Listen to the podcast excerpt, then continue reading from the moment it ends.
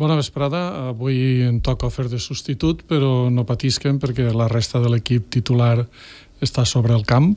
Eh, tenim el Bano Dante, Fatxin, Bona tarda. tenim Josep Costa Què tal? Bona tarda. i tenim, com moltes ocasions també, Odeia Echearte, la periodista de VilaWeb, eh, corresponsal parlamentària, que aquests dies ha estat seguint completament la campanya electoral perquè anem a parlar, sobretot, molt d'aquest final eh, de campanya electoral tan mogut que hem tingut. Així que anem cap a la tertúlia proscrita.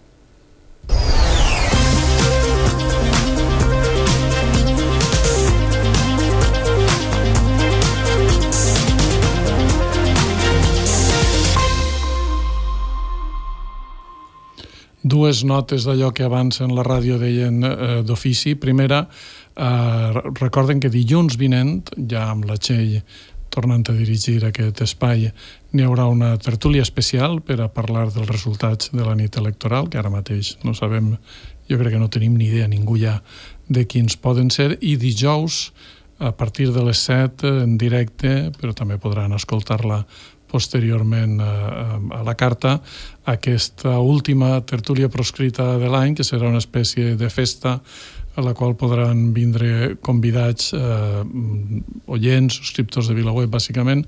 Lamente dir que està tot ple, que no cap ja ningú més, que no podem acceptar més eh, sol·licituds perquè el local està completament desbordat, però podran seguir-ho tant en directe com a la carta després eh, de que ho fem.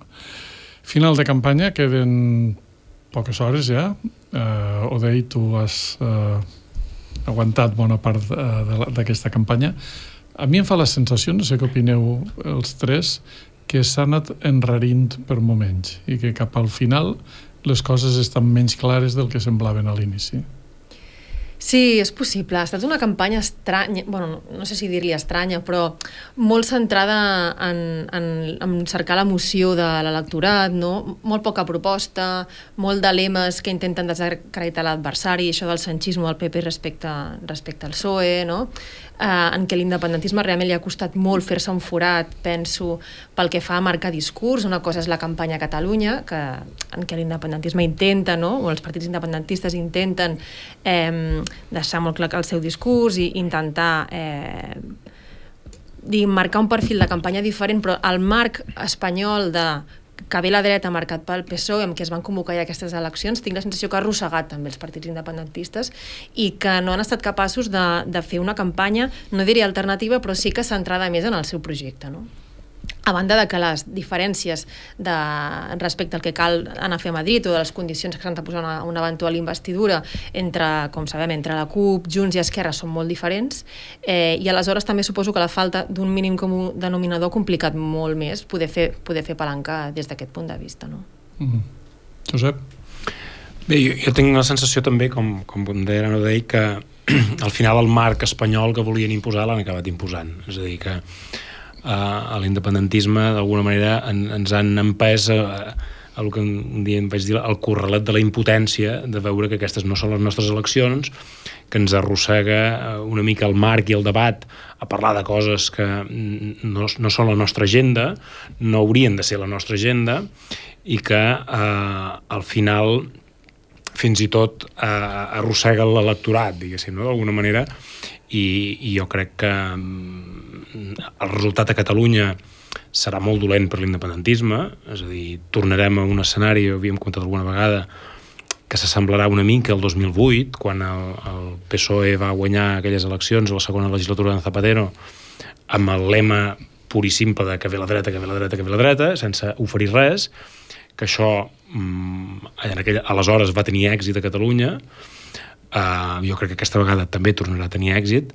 per primera vegada des de fa 10 anys eh, el PSOE aconseguirà vot independentista, eh, aconseguirà pescar en l'electorat independentista um, i jo el, el dubte que tenim i la incertesa que jo veig uh, a tot arreu és dels dos països diferents que som, quin dels dos tindrà una mica més pes. Perquè jo tinc claríssim, el resultat és molt incert, però hi ha dues certeses per mi, que és que a Catalunya guanyarà el PSOE i a Espanya guanyarà el PP. I aleshores el dubte és com queda l'equilibri entre els dos països. jo, a mi una de les coses que em va sorprendre del debat entre Feijó i Sánchez, que jo me'l vaig mirar, no sé si... Deu ser fins al final. Està bé, no? Fins al Està final. bé, està bé, mira. Està bé, bé. Uh, Catalunya, que en qualsevol altre moment en els anys previs hagués estat com el gran tema sobre la taula, sí que va tenir el seu bloc, i Sánchez i Feijó pues, van dir les seves respectives, eh, els seus respectius posicionaments, no? Sánchez va dir, escolta, mira que bé que està Catalunya ara, en Feijó va dir, vostès pacten amb els que volen trencar Espanya, però era gairebé un tràmit en el debat. És a dir, eh, ni tan sols des del marc espanyol Catalunya és prou amenaçadora o com a mínim no se sent prou amenaç com un gran problema, com una gran amenaça. I això mm, és un demèrit del part dels partits independentistes, que han aconseguit... Ser Escolta'm, irrellevants. eh? Ser irrellevants. ser rellevants, però ja no només eh, internament, o, ni- o ja no només eh, cap al seu electorat, ser rellevants a l'hora de posar por a l'electorat espanyol. No vol dir que l'Estat no continuï fent de les seves per, per, per, per atacar l'independentisme, però jo en aquell debat vaig, vaig tenir la sensació de dir aviam, aviam eh, com d'espantats estan, i, i semblava que no ho estaven gens.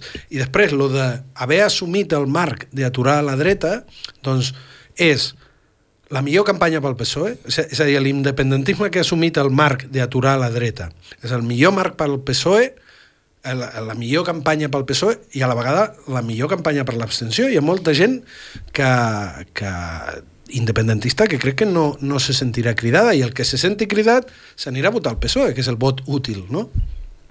Sí, jo crec que aquesta ha estat una mica la, la, la, la doble clau. No? Uh, hi ha hagut una, no?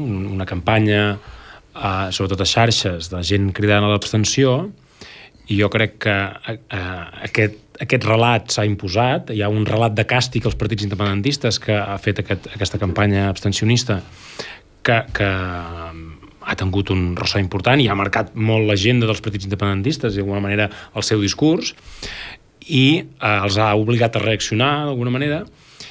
Jo crec que en termes de relat a, a, a, aquesta campanya ha tingut molt de ressò, ha tingut molt d'èxit. A les urnes ja ho veurem en termes numèrics a l'hora de veure quines dades de participació hi ha està per veure. Entre altres coses perquè a les últimes eleccions jo tinc la impressió que hi va haver una abstenció diferencial unionista que pot tornar a les urnes aquesta vegada i que per tant pot d'alguna manera eh, no, eh, sepultar l'abstenció independentista que hi pugui haver. I crec que la resposta que han donat els partits independentistes és demanar el vot pel PSOE. És a dir, li han fet la campanya al PSOE per tant el, el resultat serà d'un càstig important als partits independentistes, sens dubte Esquerra serà el més castigat. Eh, i en canvi eh, numèricament eh, gràcies, entre cometes a la campanya aquesta de, de, de resposta dels partits independentistes d'assumir el marc del PSOE, li han fet la campanya en el PSOE.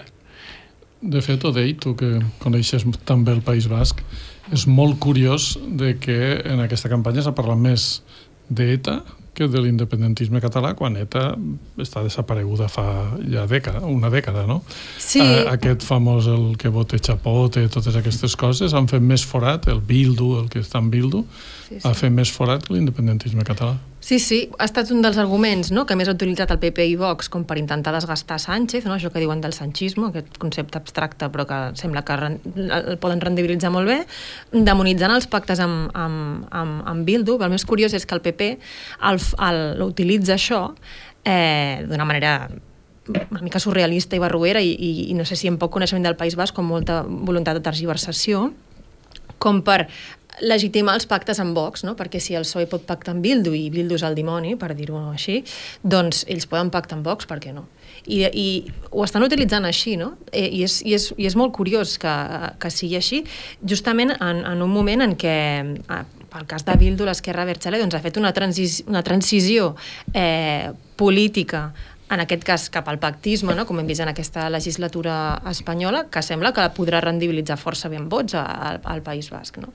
Però, però sí, sí, és un, és un d'aquests temes, diguem, etiqueta, podríem dir, o gairebé pamfletaris, no? que, que estan traient contínuament. Això, com el tema de, la, de les mentides, com, no? Estem en una campanya en què, no dic que no sigui notícia, perquè és evident que ho és, però que Feijó s'equivoqui o que menteixi segurament, no? perquè sembla que era una mentida sobre el tema de les pensions i si estaven lligades o no, si el PP les havia eh, pujat sempre lligades amb l'IPC o no, es converteixen en, en, el gran, no? en el gran tema de campanya i es pot parlar d'això durant dies i dies, en canvi les propostes concretes es dilueixen. No? Tot és, són, Sí, és això, una campanya molt emocional, molt poc política en el sentit més noble de la política, per dir-ho així, no? de, de, de contraposar models. És, és com és com molt curiós com es va desdibuixant tot, no? I llavors qualsevol errada pot fer que l'escenari canvi, no?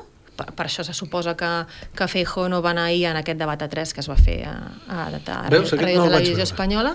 Doncs era interessant de veure perquè era molt curiós l'anomalia que suposava veure a Bascal fent a la pràctica de portaveu del PP i de l'extrema de dreta a la vegada, perquè així el van situar eh, Yolanda Díaz i, i Pedro Sánchez, i ell, a Bascal, va moderar molt el seu to, no en el fons, però sí les formes, i va exercir de portaveu de la dreta. Llavors significava la, a la pràctica una legitimació brutal política per part de PSOE i Sumar de, de Vox com a interlocutor polític i adversari total a les urnes, s'entén, però és que és l'extrema dreta al final, no?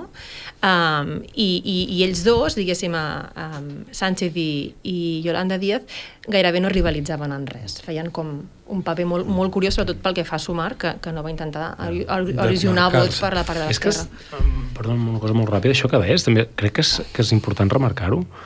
Uh, aquest interès de, d'en Pedro Sánchez i no havien dit del PSOE de sumar, de debatre amb l'extrema dreta, mm. encara que no hi hagi debat, és a dir, encara que no hi hagi el seu contrincant principal, que és en Feijó, demostra que necessiten aquest espantall de l'extrema dreta per legitimar la seva política, la seva campanya. és a dir, seu, sí, a, a, a mi em sembla absolutament inaudit. Quan hauria d'haver un cordó sanitari de que ningú volgués debatre amb l'extrema dreta, aquests senyors a, a, a, fan un no. debat surrealista amb un, amb un senyor amb qui no s'hauria de debatre.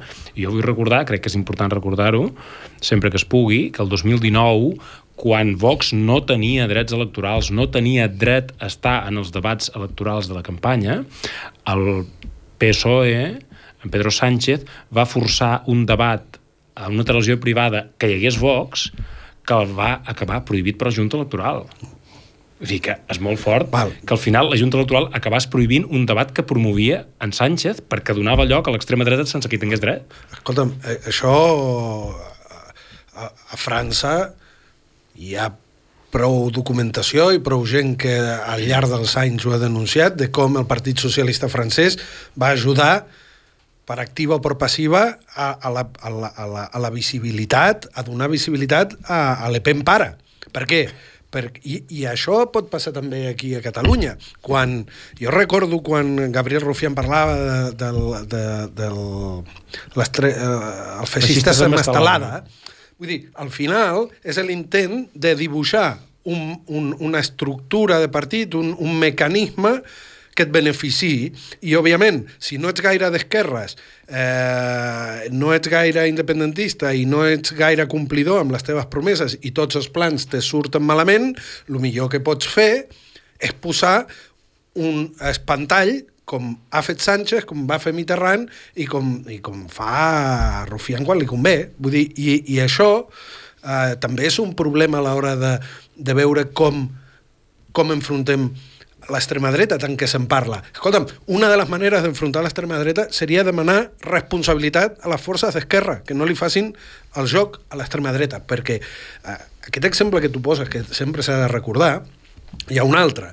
Sí, Pedro Sánchez va instar a que hi hagués un debat on te sigués present Vox, per tal de, de, de, de fer-lo servir d'espantall. Però és que després, en el Congrés dels Diputats, i ja ho he dit moltes vegades i ho sento, però ho repetiré, gràcies a l'abstenció de Vox, el PSOE va poder aprovar el seu decret de gestió de fons europeus i va sortir Margarita Robles a agrair-li a Vox el seu sentit d'estat. I ara aquesta gent ens està vinguent a dir que ve l'extrema dreta. Bueno, pues, escolta, ells ho han de dir, pues nosaltres hem de denunciar que ells són corresponsables també d'aquesta evolució política que està patint Espanya i Catalunya també. Aterrant precisament a la campanya catalana hi ha unes imatges que voldria que escoltàrem eh, perquè les últimes hores s'ha complicat eh, la campanya després de que Esquerra Republicana repetidament ha dit que els indults eh, s'han aconseguit gràcies a ells, etc etc i això ha provocat una sèrie de reaccions en cadena, incloent fa una estona eh, Pedro Sánchez dient que ell no havia negociat res de tot això i que de què li estaven parlant i que a més ni, ni amnistia ni autodeterminació ni res de res. Si podem escoltar primer eh, mm, el president aragonès eh, Jordi Turull i Dolors Bassa i després entrem aquest tema. Defensar Catalunya vol dir, i quan estem parlant de condicions, de preus, de propostes que hi hauran sobre la taula per parar el Partit Popular, acabar amb el dèficit fiscal, però també amb el traspàs de Rodalies. Necessitem que es culmini el traspàs de Rodalies al nostre país, perquè la ciutadania no mereix un servei de Rodalies com el que estem tenint. I, evidentment, continuar, continuar aquest procés de negociació que ha permès obrir una etapa d'esperança, que ha permès eh, frenar en alguns àmbits de forma important la repressió i avançar cap al dret a l'autodeterminació. Ara el senyor Pedro Sánchez deu estar tremolant. Diuen, he llegit amb un teletip, eh, em puc equivocar. Esquerra Republicana ha posat preu a la investidura.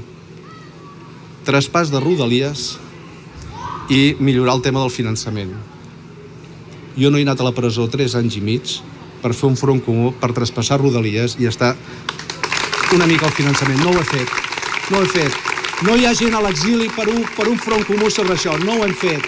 Això és més autonomisme nosaltres reclamem de fer un front comú amb Esquerra Republicana, amb la CUP, per parlar de dues coses, amnistia i autodeterminació, perquè si no aquest estat no canviarà. I ens hem de plantar perquè ja n'hi ha prou.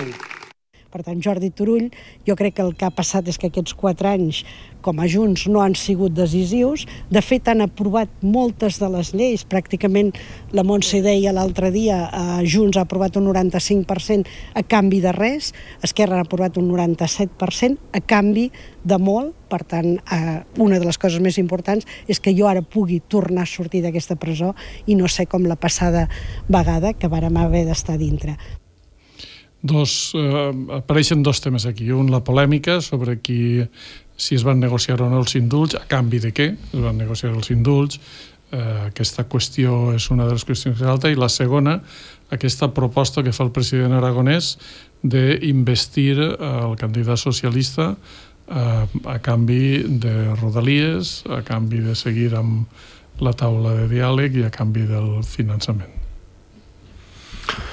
Jo crec que, que en política diuen que és important tenir memòria, no? I quan es parla d'aquest tema, quan es posa damunt la taula, crec que el primer que cal recordar és que ens varen prometre tots que mai, mai negociarien un indult i que mai acceptarien un indult a canvi de res. I Oriol Junqueras, concretament, va dir que l'indult se'l podien fotre però no els hi càpiga. Aquest va ser el titular de més d'una entrevista que jo recordi.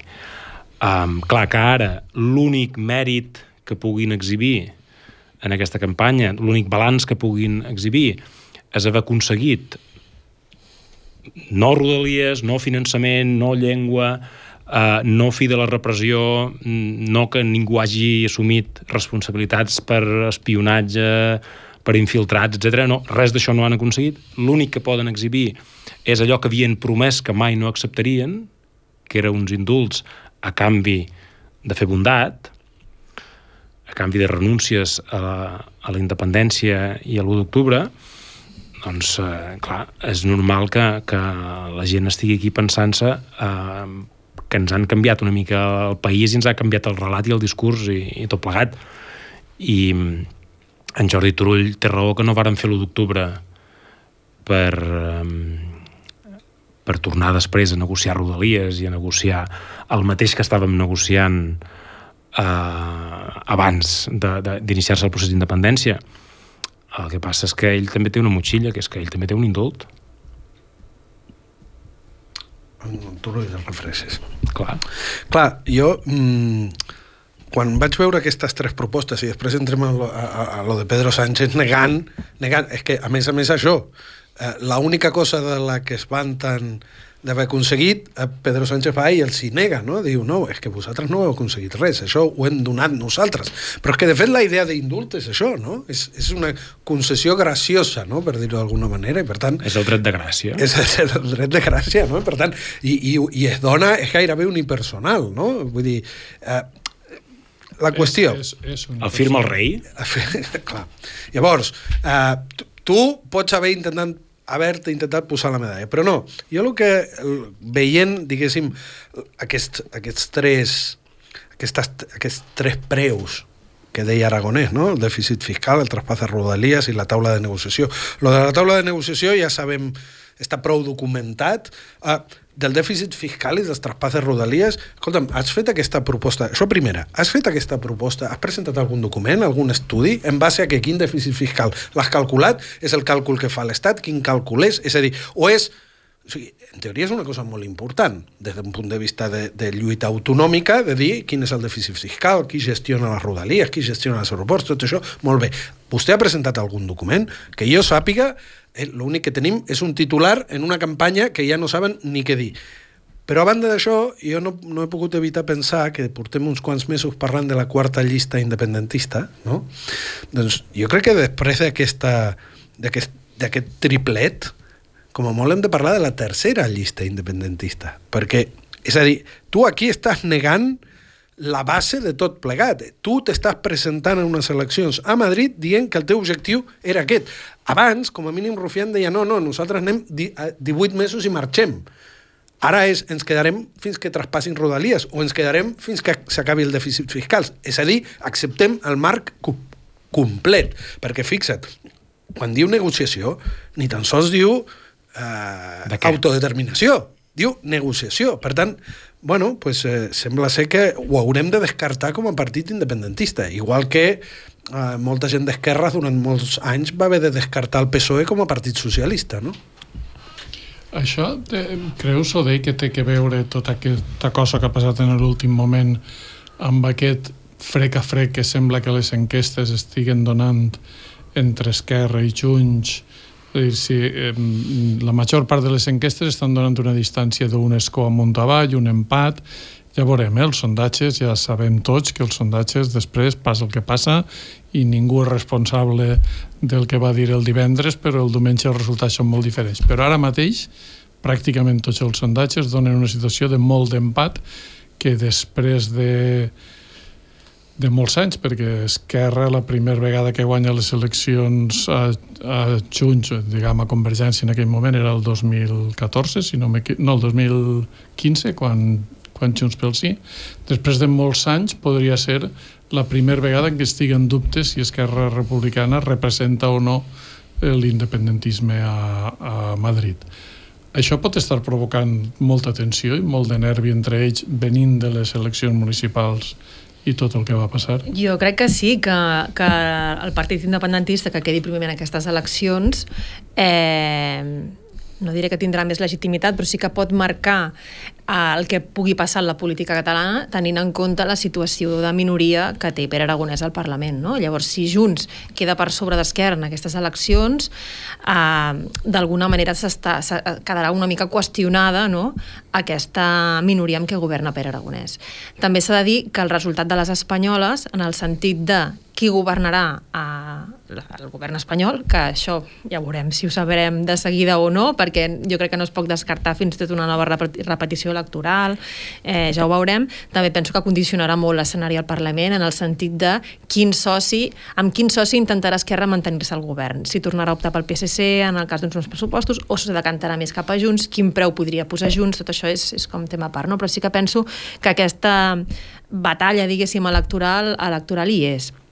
Llavors, també eh, crec que és important que fins ara Esquerra Republicana havia dit que havia proposat eh, a, a la CUP i a Junts que pactessin un preu més alt per la investidura, però no havia posat preu com a partit. Llavors, hem arribat gairebé fins al final de la campanya en què no sabíem quin preu posava Esquerra Republicana a la, a la investidura al final. Doncs han, han concretat això, que és evident que per, per Junts és insuficient, i, i la CUP també, que ha, que ha proposat doncs, pactar un referèndum, i com sabem i és previsible, doncs el PSOE no acceptarà mai un referèndum i evidentment el PP està fora d'aquesta equació no? però, però sí, que, sí que em sembla rellevant que són qüestions, dèficit fiscal, rodalies antigues, per dir-ho per dir així, no? Vull dir que són, són qüestions... Ostres, l'última vegada que hi va haver un intent seriós de, de negociar un nou sistema de finançament va ser el 2012 amb el pacte fiscal, no? que aleshores- aleshores es parlava del concert econòmic, però que tenim un model de finançament que està caducat eh, des del 2014. Eh, és, no dic que no sigui rellevant, però vull dir que és una qüestió molt de, de dia a dia i que, i que ve de, de molt antic i que si no s'ha aconseguit fins ara, com Rodalies, en bona part és per la falta de, de voluntat del PSOE d'abordar aquests temes, perquè el traspàs de Rodalies també s'ha promès llargament i es va fer un mig traspàs, per dir-ho d'alguna manera, un traspàs insuficient, no? i encara no, no s'ha no tancat. Respecte al dèficit fiscal, sí, sí dir, però, que la Generalitat ha, ha, va actualitzar la balança fiscal. Ho fa amb retard, però, però no recordo exactament l'any, però sí que van arribar a un pacte entre Esquerra i Junts que era d'obligat eh, d'obligada a la- elaboració de les balances fiscals abans de presentar els pressupostos i això crec que més o menys s'ha anat, anat fent. I, I respecte al tema de Junts, no, aquesta incoherència pel fet de que el Turull va rebre, va rebre els indults, Sí, és així. O sigui, jo crec que és, que és evident que, que, que hi ha com un bene- benefici personal també per, per dirigents de, de Junts. I jo, sobretot, aquí, la incoherència que li veig a Esquerra és que en el seu moment no defensava solucions personals per a alguns dels presos, sinó que defensava l'amnistia. No? I ha canviat aquest discurs de dir de, re- de reivindicar l'amnistia a passar a reivindicar només eh, els indults i la sedició que d'altra banda són qüestions que el PSOE necessitava per, per millorar la seva mm, però, o sigui, la percepció internacional de, del govern espanyol i de l'estat espanyol, no?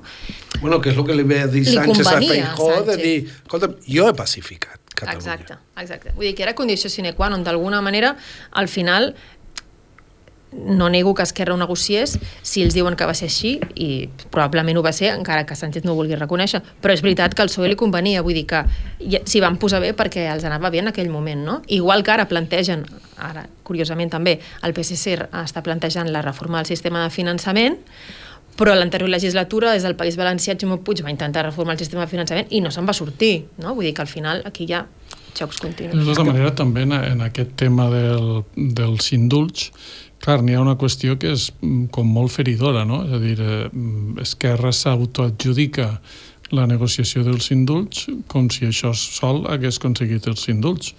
I eh, va haver el Consell d'Europa, va haver centenars de milers de persones davant dels ajuntaments cada dia, va haver gent donant diners, va haver les enfermeres, ara no recordo si eren del clínic, quan Pedro Sánchez va anar de visita, que el van perseguir per tot l'hospital cridant llibertat presos polítics, aquella escena famosa de l'escorta amb la metralleta.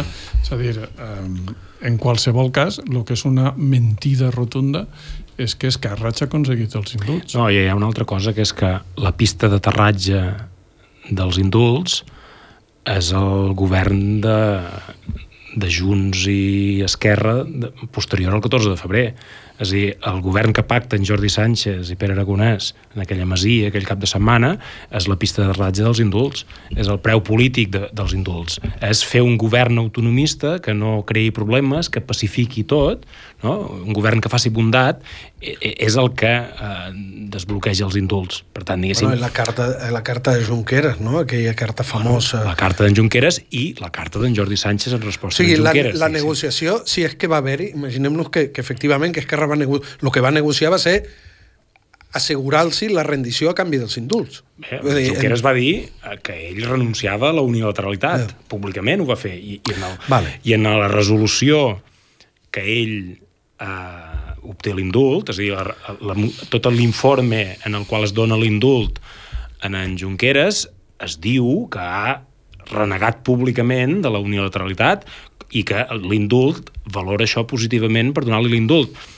I en Jordi Sánchez també li valoren a, a les seves intervencions públiques. No? És Per, a dir, per això, no és que van arrencar un indult a, a, a, amb una negociació duríssima, és... és eh, hem anat allà a assegurar-los que a canvi dels indults nosaltres anàvem a aturar el, el, la, la idea del moviment independentista. Jo la pregunta que tinc, no sé qui la pot respondre, una, un analista com l'Audei, un politòleg, eh, un periodista, quan ahir Esquerra Republicana diu, escolta'm, el nostre preu és eh, Rodalies i el dèficit fiscal, jo entenc que quan fan això és perquè o, o perquè tenen enquestes que els hi diuen que potser els catalans majoritàriament ho valoren o s'ho treuen de la màniga perquè sí. Jo em pregunto sincerament si és que han aconseguit que la, ja, sé que ho veurem diumenge, eh, però me pregunto sincerament si estan fent aquesta proposta deu ser perquè intueixen que que de la mateixa manera que ells s'han rendit, hi ha una part important de la societat catalana que també s'ha rendit i que només aspira políticament a que traspassin rodalies o que hi hagi un millor finançament, que a més a més saben que ni hi haurà traspàs i ni hi haurà fi millor finançament. És a dir, m'intento preguntar si potser sóc jo que he desconnectat i que m'he perdut o, o, o aviam, Esquerra Republicana és una estructura electoral mm, molt gran, molt engreixada, deuen tenir enquestes internes, la, la meva pregunta ja no és cap a Esquerra Republicana, és cap al moviment sobiranista de veritat ha acceptat que el màxim que pot, que pot arribar a obtenir en unes eleccions és no el traspàs de Rodalies ni un millor finançament, sinó la promesa que se incomplirà d'un traspàs de Rodalies i un millor finançament. De veritat que jo podria enfadar-me molt amb, amb, amb Pere Aragonès, però és que me faig preguntes que van més enllà. De veritat hem retrocedit 20 anys com a societat? Bueno, diumenge ho veurem bastant en el resultat electoral, no? Jo crec que hem retrocedit exactament 15 anys, és a dir, que som el 2008. Ja, crec Eh, que ho havia dit però abans. ha retrocedit els partits. Tu creus... Ja sé eh, que el diumenge serà una prova d'això. Jo espero que no sigui només una prova d'això. Vull dir, que hi hagin altres coses, també, no? Vull dir que... Jo crec que se, eh, pot ser un miratge el resultat de la... És a dir, el, jo dic ara, hem retrocedit 15 anys i som el 2008, però el 2008 és un miratge, perquè el 2008 eh, hi ha un resultat espectacular dels socialistes, que treuen 25 escons, que és el millor resultat de la història, i eh, l'endemà, pràcticament, és a dir, un any després, eh, tens el país al carrer engegant màquines del procés d'independència. Per tant, el resultat del PSC del 2008 eh, és tan espectacular com fals, eh, com, a, com, a, com a representatiu del que vol el país, no? Perquè eh, estàvem enmig del fiasco de l'Estatut. És a dir, quan ja havia naufragat la reforma de l'Estatut, ja sabíem el, el model de finançament que, ha, que havia caducat el 2014 és el que es va pactar El 2009. a- en aquells anys del, del segon tripartit, no? És a dir, per tant, en aquells anys de que eh, eh, el model de finançament va ser un fiasco, la reforma de l'Estatut va ser eh, una enganyifa, el traspàs de Rodalies ja es va fer i es veu que era mentida, etc etc. Tot això li va donar en el PSOE un resultat espectacular, el millor de la seva història a Catalunya. I, malgrat tot, eh, eh, eh, no, no va ser representatiu de res, no va ser un test que digués el país vol PSOE, no? El país el que va fer va ser mm, llançar el vot a l'urna perquè no vengués el PP que, que el veien com pitjor. I, I ara jo tinc la sensació que passarà una mica el mateix. És a dir, que la gent a, a, és a dir, seguint una mica l'estela d'Esquerra Republicana, acabarà votant el PSOE a canvi de res. És a dir, votaran el PSOE, molta gent, molts independentistes, votaran el PSOE a canvi de res. És a dir, simplement amb un objectiu, que és que no hi hagi el PP i Vox i que no volen res, és a dir, no esperaran que el PSOE compleixi res, que traspassi res, res, és a dir, és un vot a canvi de res, gratuït. Uh, i, I Esquerra el que fa, uh, jo crec que ara, és fer un discurs de dir, escolti'm, uh, um, votar Esquerra Republicana no és el mateix que votar el PSOE, és a dir, si, si voteu Esquerra Republicana, els vots aniran indirectament al PSOE, però mm, reclamarem una miqueta de, de, de, de, de tites-tites, diguéssim, no? de peix al cova. Pot ser el problema, i per això s'han posat en aquest sidral dels indults, és que con, no tenen res que explicar que han guanyat. Clar. És a dir, que han passat quatre anys... El cove està buit. El cove està buit i, per tant, han de tirar mà de l'única cosa que aparentment podria ser formar part del cove, no? Clar, clar, sí, sí, a nivell, al- almenys a nivell de, sí, de procés, perquè, perquè el, com sabem, el PSOE han complert molts dels, del, dels pactes que va arribar per, no, pactant pressupostos amb, amb Esquerra Republicana. Eh, jo també sóc del parer que això no podem saber, però que la gent vota les opcions que hi ha. I el que hi ha és, són aquestes opcions, no? I llavors sí que el debat polític ha retrocedit. No sé si la gent ha retrocedit en, en, en mentalitat, però sí que segurament farà una pràctica possibilista i veurem què passa amb l'abstenció, però realment perquè es pugui fer una lectura de l'abstenció en el sentit de vot de càstig a l'independentisme ha de ser molt massiva aquesta abstenció. Llavors, clar, haurem de veure... A més, es barreja molt amb el que deies uh, de, de retornar al vot dual, no? de tot d'aquest vot independentista que una altra vegada, per primera vegada en molts anys, farà votarà partits, en aquest cas majoritàriament a, a, al PSC, no? per fer un vot útil en les eleccions espanyoles, malgrat que en unes catalanes potser votaria partits independentistes. Clar, almenys momentàniament l'escenari electoral ha canviat, ha canviat moltíssim, no? L'elector- L'electorat és el mateix, però clar, no podem posar-nos en el cap de la gent ni saber-ho, però sí que és veritat que jo crec que majoritàriament eh, l'electorat fa una opció més possibilista. És que hi haurà un, la, la paradoxa és que jo crec que hi haurà gent que votarà el PSOE per castigar els independentistes. També pot passar. Gent independentista. Gent independentista que farà un vot de càstig en els partits independentistes i acabarà votant el PSOE. Um, sí, podria ser... Home, si li estan fent la campanya... És que els partits independentistes li estan fent la campanya Vale, al jo, jo tinc una... Abans tu deies, i, i, i- i crec que té molt de sentit, és a dir, que els resultats del 23 de juliol, a banda de la governabilitat d'Espanya i la configuració del Congrés dels Diputats, això és una part, però sí que tindran un impacte en com continua la política catalana a partir d'aquest moment, del dia 24, i a més a més, com es comença a posicionar tothom eh, de cara a unes hipotètiques eleccions al Parlament que no sabem quan arribaran i no. Efectivament, si Junts passa per davant d'Esquerra, eh, si Esquerra repeteix els resultats, si tots dos es foten, si... Tot això intervindrà. Ara bé, també és veritat, i, i, i això té, per exemple, el tema de la campanya de l'abstenció, que jo crec que ha estat un èxit enorme la campanya de l'abstenció, no tant perquè pensi que hi haurà molta abstenció, jo No, ha crec guanyat que el relat. ha guanyat el relat, ha obligat els partits independentistes, a tots tres, a respondre. És a dir, tots s'han vist amenaçats. Per tant, qualsevol campanya política d'una gent que al final tampoc té eh, altaveus mediàtics molt grans, eh, que una campanya popular, diguéssim, de la bombolla de Twitter, obligui a tots els partits, en plena campanya electoral, a parlar d'això, home, ja ha estat un èxit, encara que no hi hagi abstenció després a l'hora de la veritat. Però per què ho dic, això? Perquè és veritat que el resultat de les eleccions del 23 també envien un missatge de cara a la política catalana aquí, però no només a Esquerra, a Junts i a la CUP, insisteixo, jo abans parlava de la quarta llista, de la primera, de la tercera llista, de la... és a dir, eh, el tema de la llengua, per exemple, tu vas escriure un editorial on te deies l'independentisme ha tornat, ha fracassat. Ha fra... És a dir, uh, si l'independentisme continua exhibint fracassos constants, és a dir, al, algú haurà de passar. I, i, I el debat de si és millor una llista més... Això és el de menys. El que sí és veritat és que com a moviment, si l'únic que hi ha per exhibir són derrotes, eh, és que no, una de dues, o el país renuncia massivament o alguna cosa passarà i jo no sé què és. Sí, I... aquest, aquest editorial anava concretament, i així introduïm el tema, amb la decisió del Tribunal de Superior de Justícia d'aquesta setmana de tornar a carregar-se la immersió, la suposada immersió que, se, que, que tots feien veure que existia i que no existia en realitat, um, que és, jo crec que precisament és una de les coses en les que es veu amb més claretat aquest fracàs. No? Dir, recordem que um, Gabriel Rufián, en el seu cas, va dir que s'havia blindat la immersió quan va aprovar la llei CELA, que va ser l'excusa per a poder aprovar els pressupostos del PSOE. Eh, després el govern ha fet una llei exprofesso trencant la unitat independentista, deixant la CUP fora i sumant-se al PSC i Comuns, que no ha servit de res. Eh, és com anar posant eh, barreres de palla que no serveixen de res i que l'Estat les supera de la forma més eh, tranquil·la possible.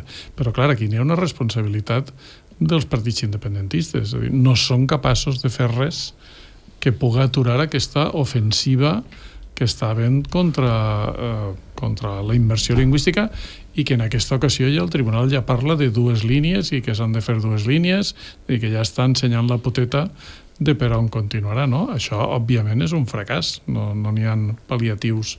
Eh, i... Jo crec que el, problema amb la immersió és que ja és un relat fa molt de temps. És a dir, la immersió no existeix, no n'hi no ha d'immersió en el país, i és un relat de fer veure que existeix. És a dir, i d'alguna manera es fan lleis, es fan decrets, i es fan discursos, i es fan cimeres, i es fan eh, gesticulacions per fer veure que la immersió encara existeix. Però eh, a la pràctica eh, no? hi ha dades oficials i que crec que són bastant objectives eh, no? recordo un informe del síndic de Greuges que explicava que en realitat eh, ara mateix a les escoles catalanes hi havia un 25% de castellà, ara mateix, en el conjunt del país.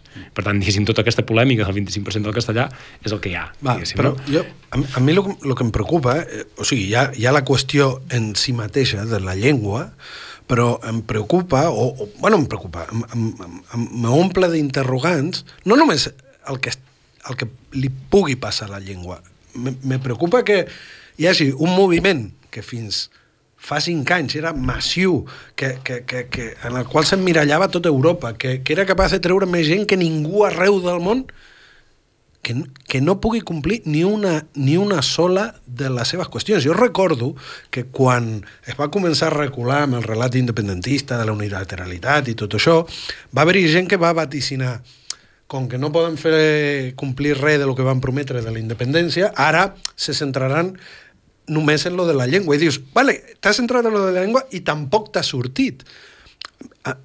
Me costa entendre com un moviment tan bèstia uh, no tingui ningú davant capaç ja no dic de solucionar, perquè és veritat, tens un estat, tens un enemic fort, però ni tan sols d'impugnar.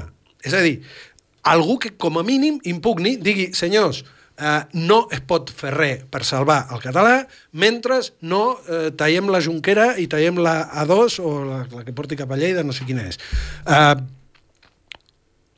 sembla, sembla, sembla una broma, però és que justament el que estem veient és els partits independentistes intentant fent perdó, aviam si ho puc dir, in, els partits independentistes que intenten fer-nos creure que la seva acció pot donar fruits. I malgrat que constantment veiem que no només no dona fruit, sinó que hi ha un retrocés, en comptes de denunciar la situació, de dir, com a moviment polític estem sent arraconats i no ens permeten democràticament portar a terme els nostres objectius polítics, en comptes d'això ens volen fer creure que sí que estan solucionant coses. I fins i tot quan és tan evident com, a, com amb la llengua, segueixen dient que no, hem arrencat això, hem arrencat l'altre i no sé què. I qui diu això ho diu amb el finançament, ho diu amb la gestió de fons europeus i ho diu tot. Això és el que crec que s'ha de superar i no, no sé qui ho pot superar. Yeah. Perdoneu-me, eh? avui estic no. una mica d'allò, però és que, hòstia... Eh, no t'anava a preguntar, Odei, tu que ho has viscut al Parlament, això, perquè eh, has vist totes aquestes successives, crec que ja han fet quatre intents de frenar això, que cadascun ha estat eh, clarament superat.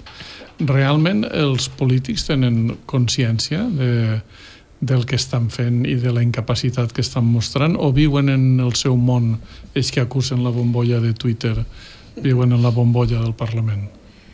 A veure, és molt difícil de respondre això. No, ells, cada partit té els seus interessos i defensa els seus interessos com millor sap o millor pot o millor considera. Jo penso que en, en això, en la qüestió de la llengua, hi va haver una opció per part de Junts i Esquerra que va ser que aquest tema el volien pactar amb el PSC i amb els comuns.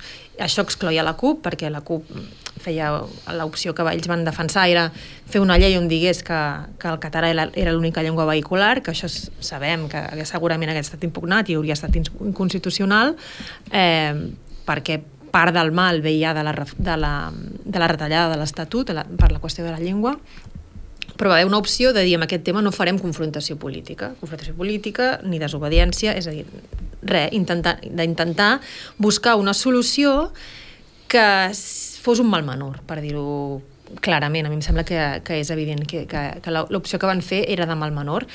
Fins i tot, amb la gravetat que suposava pactar els dos intents que van fer, el primer que no, al final no va sortir i, l'últim d'aquesta altra llei, eh, amb, amb interpretacions divergents amb el principal soci què ho havien pactat, que era el PSC, perquè mentre uns deien que això blindava la immersió, el PSC deia que, que, que, que això implicava el reconeixement del castellà com a llengua d'aprenentatge i, per tant, com a llengua vehicular a les escoles. I el que estava dient la veritat era el PSC. Sí, perquè I pel fet- que estem veient, per la interpretació que ha fet el TSJC, doncs el que, la interpretació que més s'ajustava era, era la del PSC, perquè és veritat que en una d'aquestes sentències eh, d'aquestes escoles eh, el tribunal s'agafa la pròpia llei per dir, ep, és que aquí diu que la, llei, no? aquesta que està pendent igualment eh, d'un pronunciament del Tribunal Constitucional, és que aquesta llei diu que el castellà és llengua d'ús curricular eh, i educatiu i en aquesta escola no n'hi ha prou de, de castellà, no? Mm.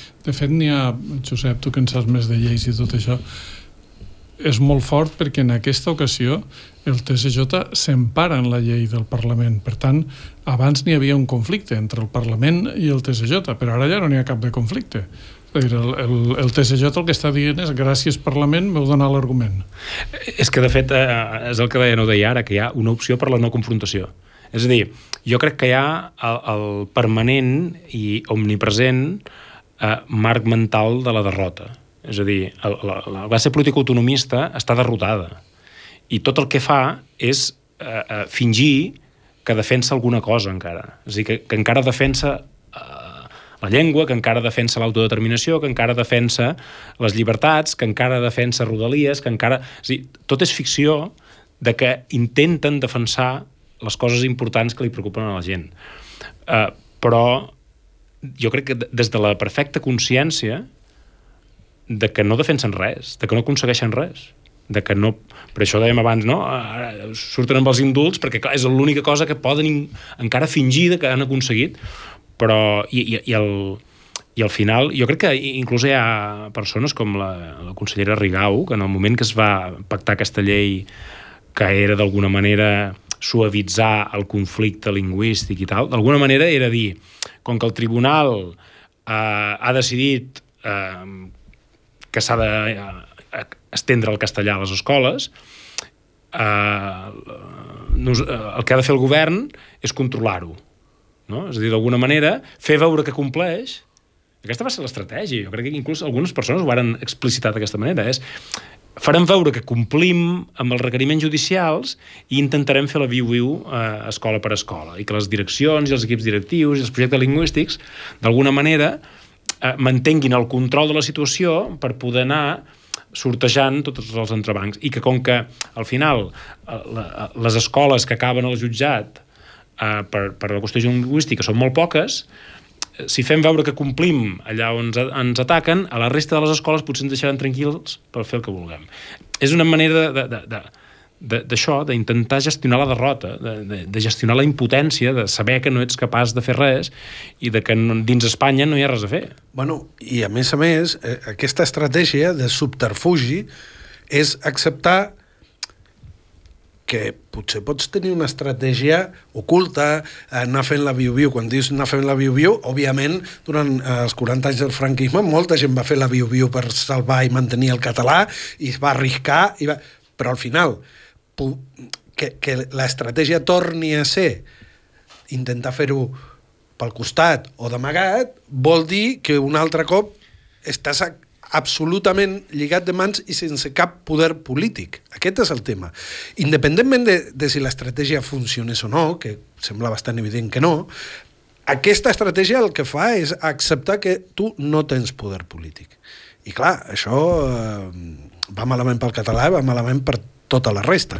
De- Deixa'm entrar en un altre tema que lliga tant amb l'inici del programa com ara, que és la utilització que els socialistes estan fent de casos com la censura de les revistes en català Borriana, com la retirada de l'Auditori de Torrent del nom de Vicent Torrent, fundador del Tall. Um, és molt xocant. És a dir, els socialistes estan aconseguint posar-se al centre de tot, perquè l'independentisme el deixa posar-se al centre, però quin cinisme per part d'ells d'estar ara erigint-se en defensors del català. És a dir, és com si a Borriana estigueren atacant les revistes en català um, perquè són d'esquerres, no perquè estan en català. I això és una mentida molt gran. Tot, tot ho volen reconduir en el marc de la dreta, la dreta, la dreta. És a dir, eh, tot és culpa de la dreta i per tant nosaltres som els bons. És, és allò que, que, que, que deies abans, o deia, de, de que és emocional, no? és, és, és d'intentar apel·lar a sentiments primaris i això, i, i, i, i, i sense cap substància. És dir, Uh, um, la dreta són els dolents, nosaltres som els bons i per tant la dreta fa coses dolentes i tot això que ho fa Vox uh, és perquè són de dretes I, i, i aquesta és la gran fal·làcia i avui sortia no, uh, uh, uh, uh, bé, inclús els de Sumar no? que, que tenen uh, es carreguen la unitat de la llengua no? és a dir, que tenen la seva web en valencià i en català o, com a dues llengües o, diferents ho han canviat. Quan han vist l'escàndol ho han canviat. Eh, és que em semblava que hi havia compromís en aquesta coalició I més i més per Mallorca.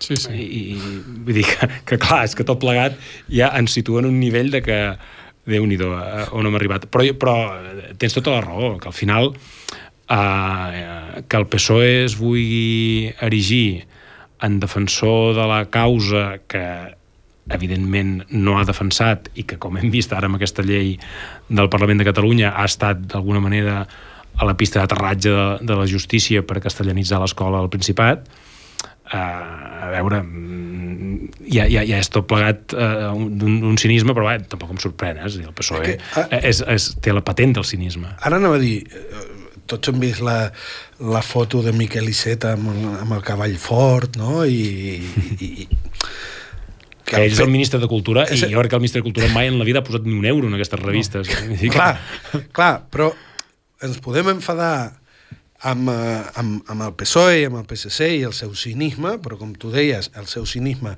no és cap novetat, el que passa és que qui ha permès que aquest cinisme passi per bo i que aquesta lluita contra la dictadura de l'extrema dreta, qui, qui ha permès el PSOE estigui del costat de la, de la llibertat i la defensa del català, justament han estat els partits independentistes quan acullen el PSOE en la llei pel català, no? perquè no hi hagi conflicte, o quan compren el marc de Sánchez d'aturar a la dreta, i quan aturar a la dreta significa eh, pactar amb el PSOE. Amb el PSOE, que té un ministre com a Grande Marlaska. És a dir, la, eh, avui potser estic una mica massa negatiu, però és que eh, el fracàs brutal de, de, de, de les cúpules dels partits independentistes a l'hora de comprar el marc de que el PSOE pel que fa a les revistes, pel que fa a la llengua, pel que fa a les llibertats eh, polítiques, és el mateix que el mateix perill que el Partit Popular. Dir, el PSOE és espanyol, és que ho posa en les sigles. El PSOE és espanyol. I, per tant, eh, haver obviat això és culpa de l'independentisme. I clar, per això ara el seu cinisme doncs, pot fins i tot arribar a funcionar i algú diu, escolta, mira, que aquests ens ajudaran a, a salvar la llengua. Bueno, doncs una altra creu hem, hem d'acabar. Eh? Una pregunta a cadascú dels tres. Uh, diumenge n'hi ha eleccions, situem-nos, uh, som a les 10 de la nit, comença el recompte electoral, etc. Breument, sobre què us fixareu més? Què recomaneu més a la gent que miri amb més detall? Bé, jo crec que uh, um, uh, jo em fixaré en la magnitud del, del càstig que patiran els partits independentistes. Jo crec que no serà uh, homogeni, és a dir, no tots... Uh, i, I l'electorat és bastant intel·ligent amb això, és a dir, jo crec que castigarà més els que més s'ho mereixen i menys els que no s'ho mereixen tant, però que el càstig globalment serà molt gran i eh, també, evidentment, en, en, serà molt interessant d'escoltar les excuses eh, per explicar aquesta davallada i aquesta, eh, aquest mal resultat, aquest càstig que patiran els independentistes. Perquè a les municipals ja varen fer aquest petit intent de dir que havien captat algun tipus de missatge de l'abstenció massiva i del càstig que va patir, sobretot Esquerra, però també els altres. Uh, no? Hi havia aquest intent amb la boca petita de, de, de, de voler canviar alguna cosa, no? de, de, de voler donar un missatge de que, de que les coses serien diferents a partir d'ara. Per tant, uh, el, el com intentin vendre, el relat que intentin construir per justificar la desfeta, serà, serà bonic de veure també. jo estaré atent, aviam si, hi ha, si efectivament, i jo crec que sí, que passarà, que hi haurà un càstig a, als partits independentistes i especialment a Esquerra Republicana, jo a la primera cosa que estaré atent és als discursos de dimissió, si és que els hi ha, si algú dimiteix, si algú assumeix, perquè és veritat que a les campanyes de les municipals eh, va fer aquest intent de dir, ostres, hem perdut 300.000 vots i els altres 50.000, per tant, eh, estaven obligats a fer una mica d'autocrítica, però és veritat que la convocatòria d'eleccions els hi va servir una mica per, per fer veure que això no havia passat. Ara no podran fer veure que no ha passat i, per tant, primera cosa que intentaré veure és si efectivament el càstig es materialitza, és aviam si dimiteix algú, perquè algú hauria de dimitir, perquè estem fa, fa 7 o 8 anys que estiguem sentint a la mateixa gent dient una cosa i la contrària i després la mateixa cosa i després un altre cop la contrària. Per tant, això en algun moment s'ha d'acabar i si el càstig és prou gran espero que sí sigui. I a banda d'això, escoltant el que facin, m'agradaria poder veure o poder imaginar o poder sentir que a partir del 24J com a ciutadania, els activistes, la gent que està a Twitter, la, la, els represaliats, la gent que lluita per la llengua, si davant primer els resultats de l'Estat i després els resultats de l'independentisme, que jo crec que seran dolents, si som capaços un altre cop, com a mm, activistes, com a ciutadans i com a moviment, de dir fins aquí. Espero que el 24, el que el 23 a la nit d'una manera o una altra, que ara no sé com serà, que serveixi per marcar aquest punt d'inflexió. Ode, tu i jo estarem a la redacció, però què estaràs mirant tu? Jo estaré fent sumes i restes tota l'estona. A veure qui suma i qui no suma. Jo crec que serà la clau. Al final, eh, veure si PP i Vox sumen o no, que primera cosa és superrellevant, perquè si sumen jo crec que ja està bastant sentenciat, no? Eh, que això anirà per aquí. Si hi ha alguna opció d'una això, d'una suma alternativa del PSOE i que els partits independentistes puguin ser decisius o no, però bueno, una cosa dependrà de l'altra, vull dir que, que ja ho veurem.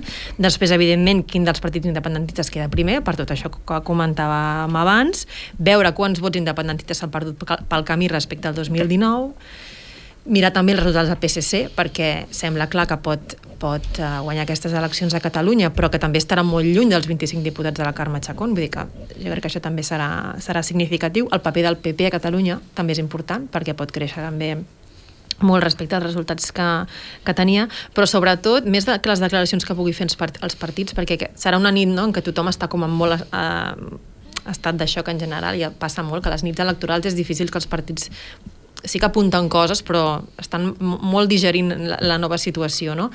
I sobretot serà això, qui suma, qui no suma, i qui és decisiu i qui no és decisiu. Ho contarem la setmana vinent, eh, ja us he dit a l'inici, dues tertúlies proscrites, una dilluns per analitzar els resultats electorals i una altra dijous especial amb públic amb aquells de vosaltres que pugueu acudir eh, per tancar aquesta temporada. Música